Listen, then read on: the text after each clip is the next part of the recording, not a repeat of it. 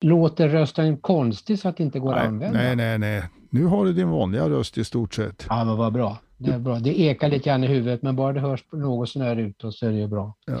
Vad ekar i huvudet? Ja, det Alltså, ekar du i mitt också huvud. det problemet. Ja, ja, men det, det Det hör till att det är så åldern. tomt. Det är tomt där inne.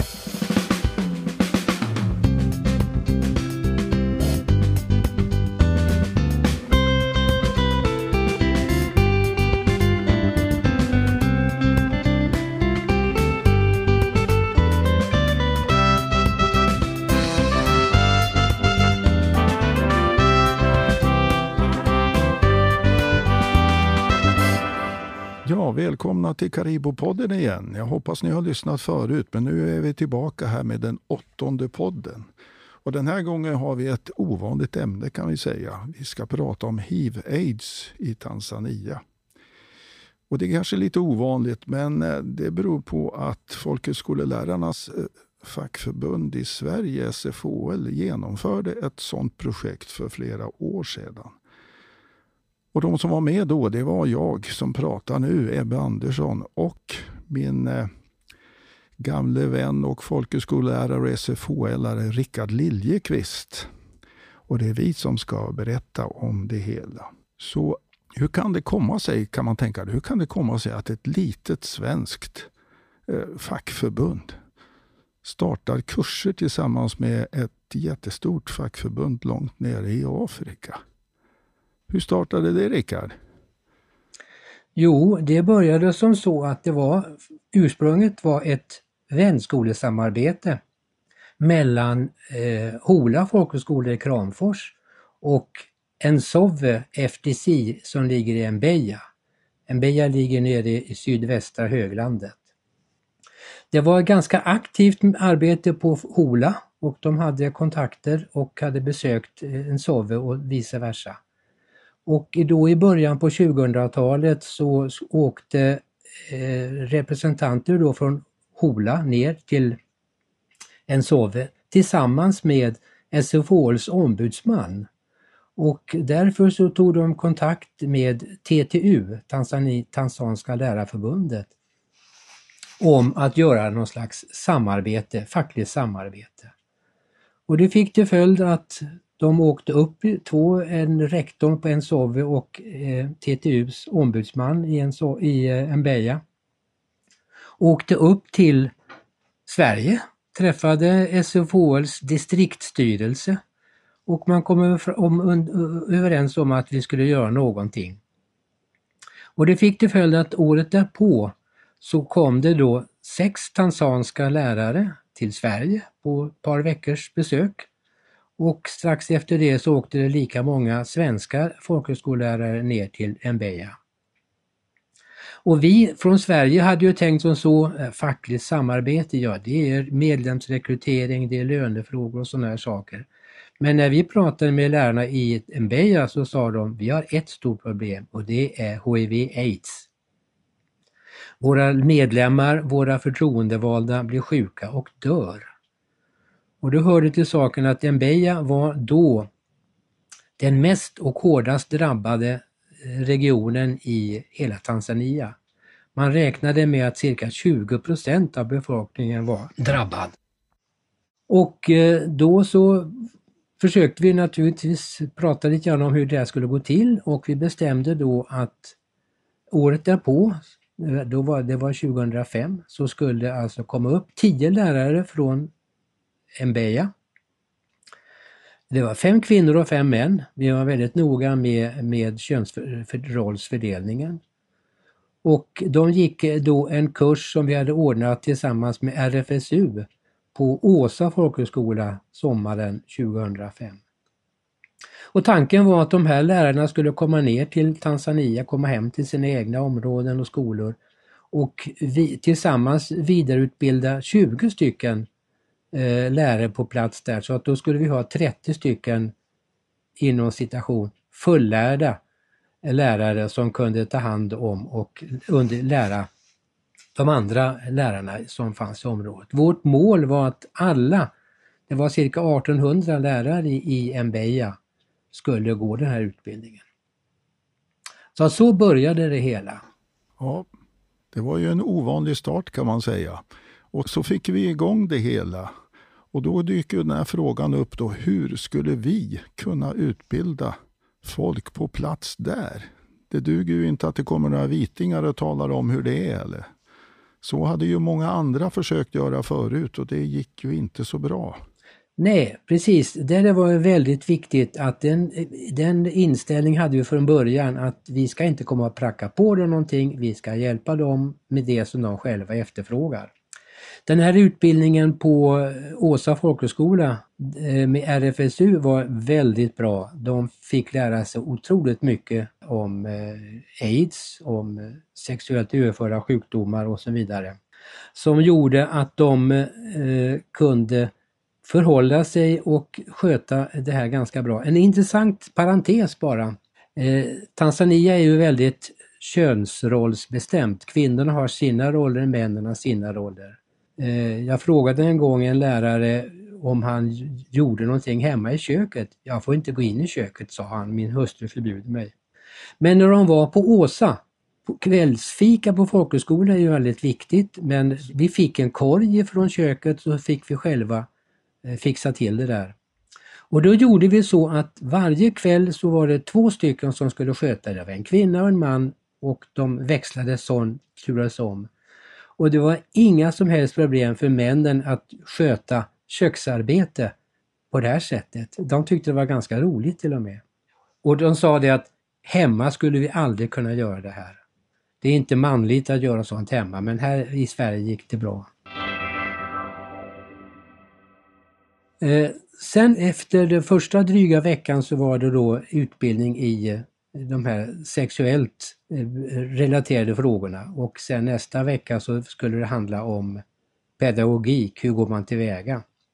Och vår tanke var ju att de skulle kunna jobba som cirkelledare, två stycken, man och kvinna, och kanske ha en grupp på 10-12 deltagare. Sådär. Ja, de skakade lite på huvudet. Ja, drog på det.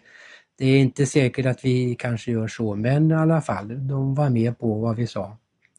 Men sen när de kom hem till Tanzania och började köra igång kurserna, då gjorde de inte alls på något svenskt vis, de gjorde på det tanzanska viset. Det var alltså 30-40 deltagare vid varje kurstillfälle och två eller tre eller fyra kursledare som då delade upp arbetet mellan sig och hade olika avsnitt.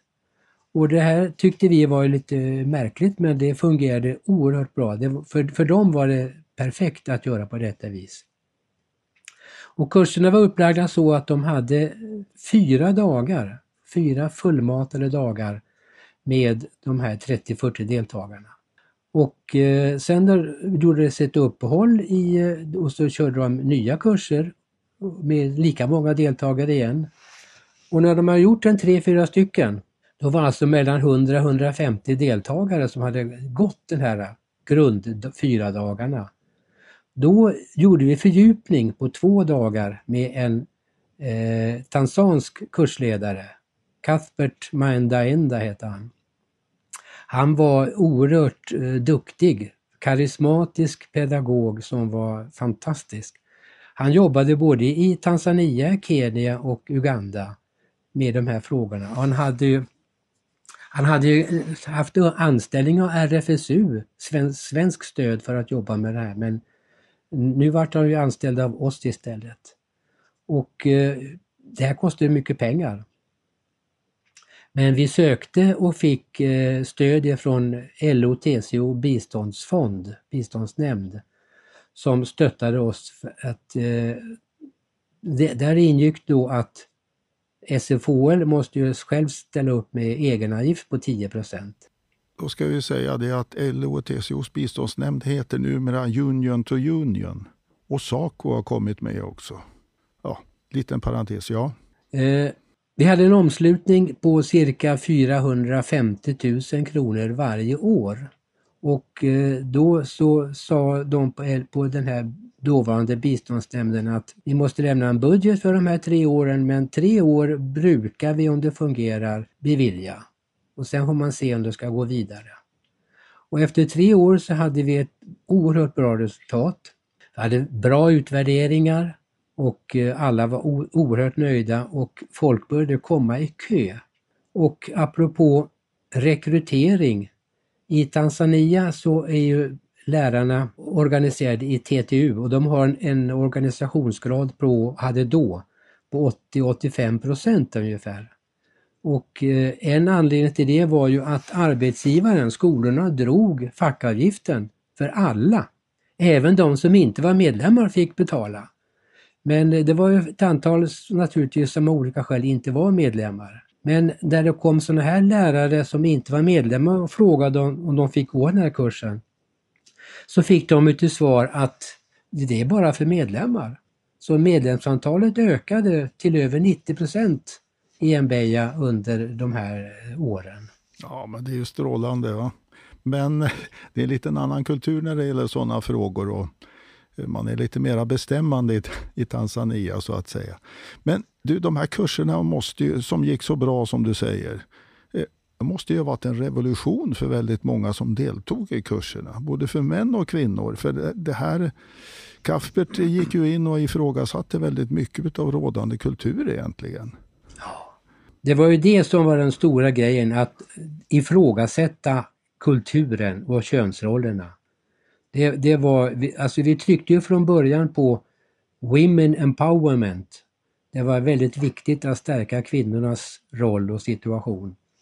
Nu var det ju relativt, ja, relativt enkelt. Relativt betyder ju i det här sammanhanget det är in, inte så enkelt som i Sverige.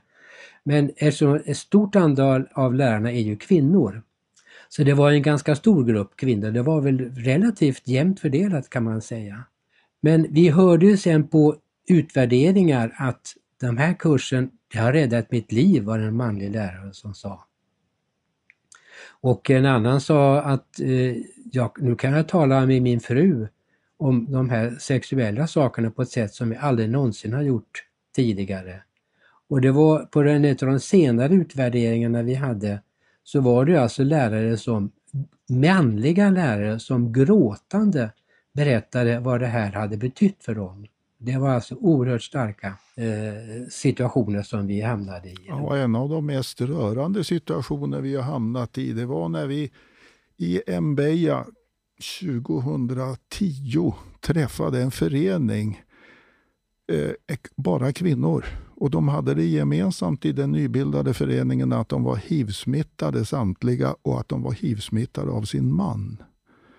Och de hade slutit sig samman i en förening då för att driva sina frågor. För det, enligt tanzansk lag så har man ju rätt att få hjälp från arbetsgivaren när man är hiv-smittad eller har aids. Även om de då gick på bromsmedicin som eh, alla fick som var testade och visade sig ha hiv. Men eh, de var motarbetade i många fall av arbetsgivarna och eh, de var kanske inte så glada åt sina män heller eh, alla gånger. Men bara det att bilda en sån förening i Tanzania, i Mbeya, det var, visar på, ett, tycker jag, då, ett väldigt starkt resultat utav kursen. Alldeles så. De, att, de var ju bara sju stycken därför att det var, är ju ett sånt, eller var då ett sånt oerhört stigma att vara hiv-smittad. Mm. Så det var ytterst få som vågade gå ut och göra det här. Och talande nog så var det alltså bara kvinnor i den här lilla föreningen. Det var inga män som vågade gå med. Och just detta att det är kvinnan som får stå med skammen, men det är mannen som har smittat henne. Och det låtsas man inte så mycket om. Så att det var tufft och eh, vi träffade den här gruppen eh, vid flera tillfällen. Varje gång vi kom ner då så pratade vi med dem och tyvärr så förändrades gruppen. Det var när, varje gång man kom med ett års mellanrum så hade en eller två avlidit under tiden. Men det har kommit, tillkommit några nya också. Ja, det, det här är, den här kursen vill jag påstå är alltså ett strålande undantag eh, Eh, när det gäller hiv-aids-kurser. Vi har ju haft kontakt och, och, träffat andra som har jobbat med sådana här andra fackförbund och FN och ja, alla stora biståndsgivare har jobbat med sånt här. Men de har inte lyckats, enligt vad vi har förstått, lyckas på samma sätt. Och Jag tror att anledningen till att det här lyckades så bra, det är ju att det fanns ingen byråkrati inblandad utan det gick direkt ifrån oss lärarna här till lärarna på plats i Mbeya. Eh, ingen risk för korruption eftersom vi hade koll på allt. Ingen risk för eh, att någon byråkrat skulle lägga sig i eller det fanns något annat utan det var kontakt direkt mellan ledarna här och ledarna där för att få det att rulla på. Ja, det, precis. Det var, det var nog anledningen också till att eh, LO och TCOs biståndsnämnd var ganska generösa för det här kostade mycket pengar. Det kostade mycket pengar och du är helt rätt. Det berodde ju på att det började på gräsrot. Det var lärare som tog kontakt med lärare och sen eh, arbetades det uppåt. Vi var ju uppe på TTUs huvudkontor och träffade General Secretary och ordförande och så vidare. Och eh, som de sanktionerade och tyckte att det här lät väldigt bra. Men man märkte ju samtidigt sådär vid sidan om att de var väl lite, kände sig lite överkörda. De ville vara med från början och bestämma någonting men vi, vi, tog kontakt, vi kontaktade dem när hela, det var, hela var igång så att säga. Men det märktes ju, hierarkin märktes ju många gånger när vi pratade med General Secretary i Mbeya, ombudsmannen i Mbeya, så kändes så var det väldigt lätt att prata och vi var på samma nivå, vi var goda vänner och allting sånt. Och han hade väldigt lätt för att prata.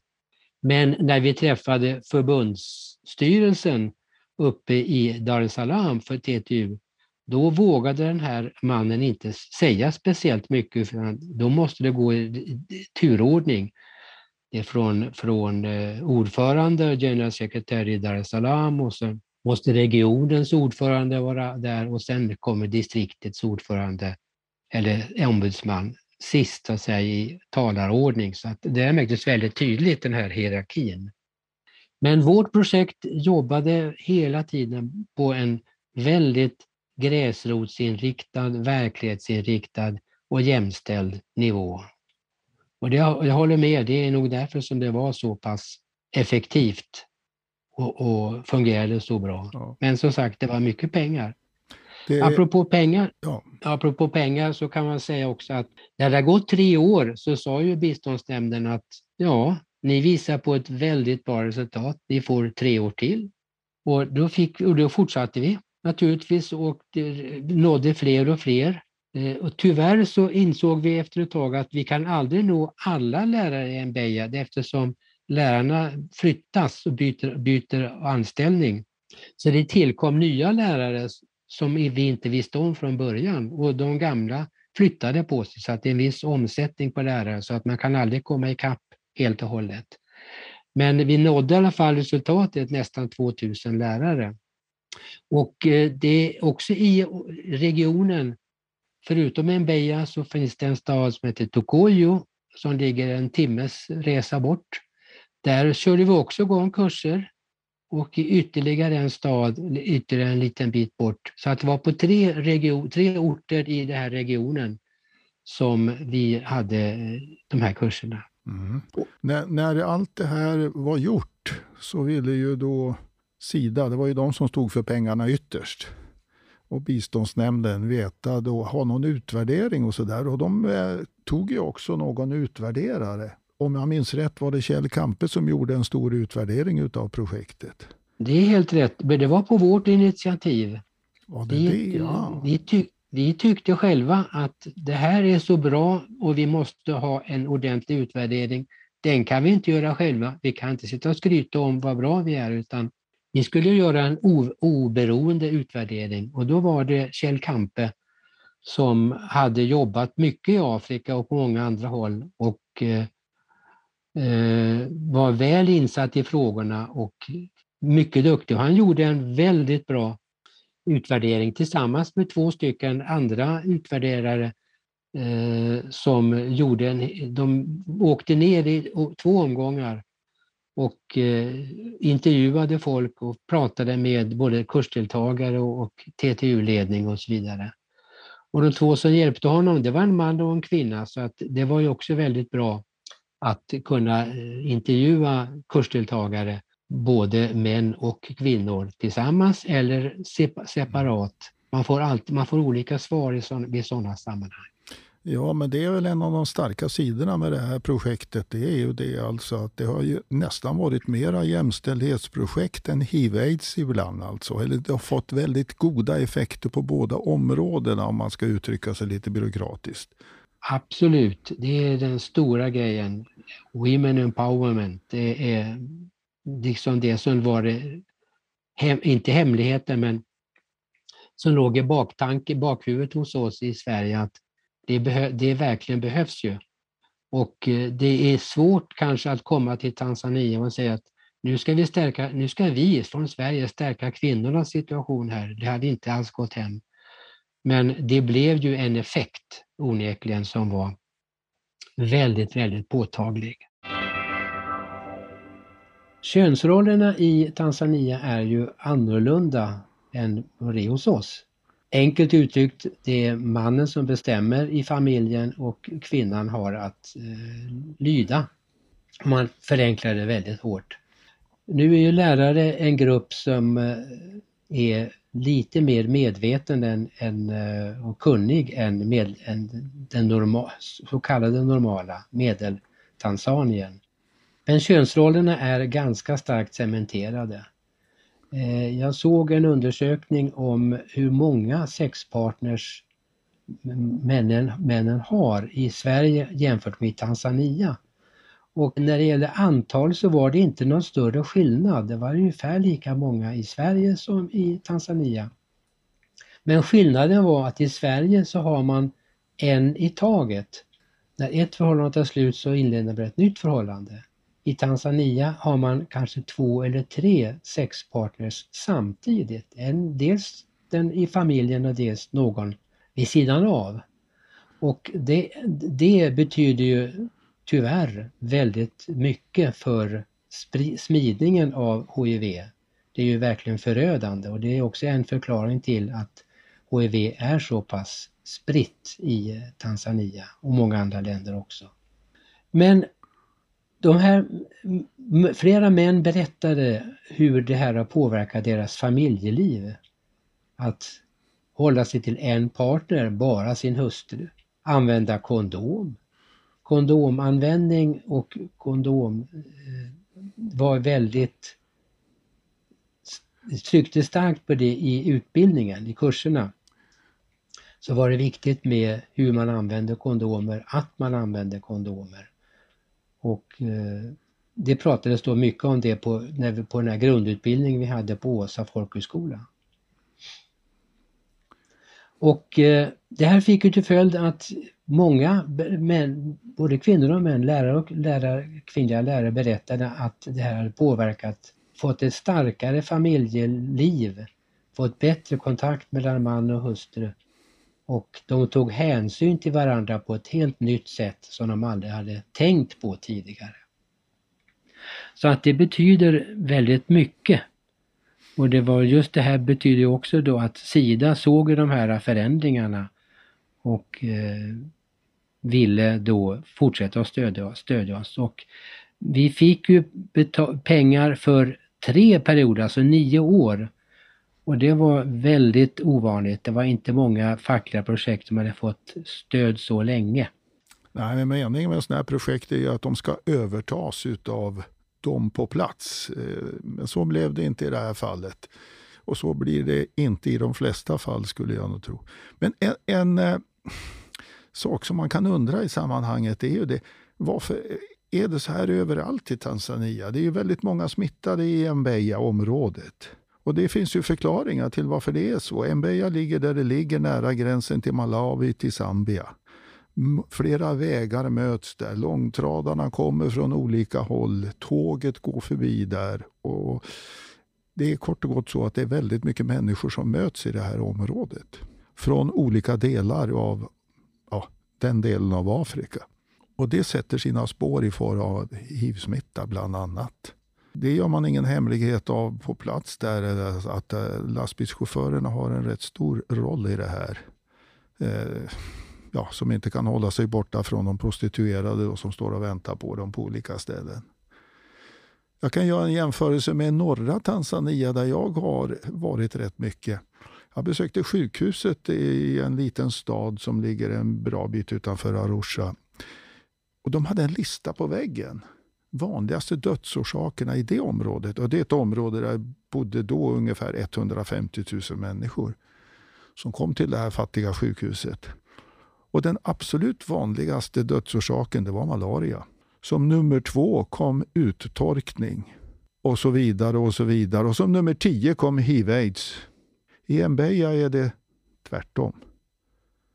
Och det har alltså andra förklaringar än det där Alltså det har geografiska, sociala och socioekonomiska förklaringar. Att det, det, är inte lika illa överallt om man uttrycker det på det sättet. Det får man vara medveten om. Ja, ja apropå det så såg jag siffror, alltså vi nämnde tidigare att i Mbeya låg det på 20 procent ungefär ja. som var smittade.